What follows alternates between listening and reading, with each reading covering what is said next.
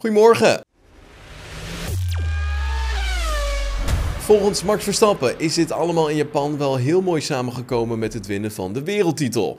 Uitgerekend op het testcircuit van Honda pakte de Limburger, na enkele momentjes van verwarring, zijn tweede wereldkampioenschap. En Verstappen die bleek terug op de kritiek eh, die Red Bull kreeg toen het de handen ineens sloeg met Honda en stelt dat de Japanners een belofte zijn nagekomen. Honda keerde in 2015 met McLaren terug in de Formule 1 na een van 5 jaar, maar beleefde toch best wel een miserabel verblijf. De reputatie van het merk lag te grabbelen na diverse betrouwbaarheidsproblemen. Maar nadat de partnership met McLaren eindigde, koppelde Honda zich aan Red Bull en AlphaTauri en heeft sindsdien niet meer achterom gekeken. En ja, mag inmiddels toch best wel trots kijken naar de prestaties van de Power Unit. En voor Verstappen is daarom dan ook extra mooi dat het kampioenschap op Suzuka werd beslist.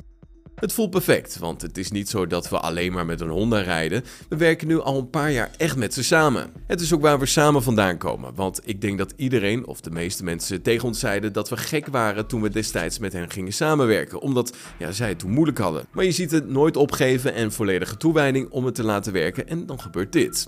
Ja, afgelopen seizoen was de Power Unit al van topniveau, maar daar is dit jaar nog een schepje bovenop gegaan.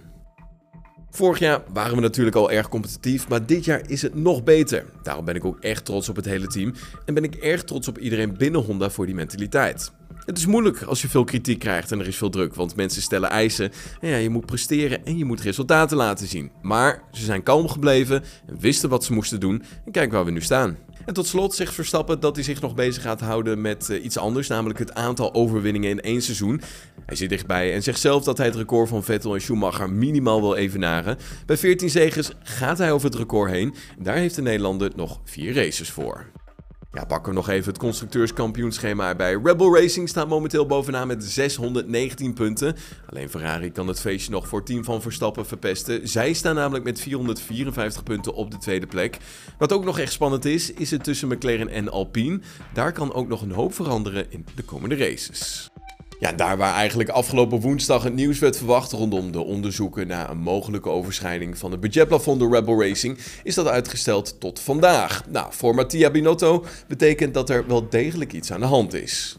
Al sinds ze naar buiten komen van het nieuws tijdens de Grand Prix van Singapore gaat het over bijna niks anders meer dan de vermeende overschrijding van Red Bull Racing in het budgetplafond van 2021.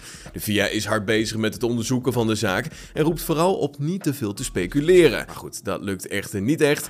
Dus zingen er allerlei geruchten rond in de paddock en heeft inmiddels iedereen wel zijn zegje gedaan over de hele soap, waar verder eigenlijk nog niks over bewezen is.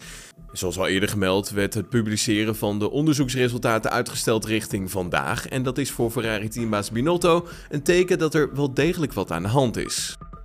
Het is interessant om te zien dat het zo lang duurt om het te publiceren. Waarom we zo lang moeten wachten komt simpelweg omdat er discussies gaande zijn achter gesloten deuren.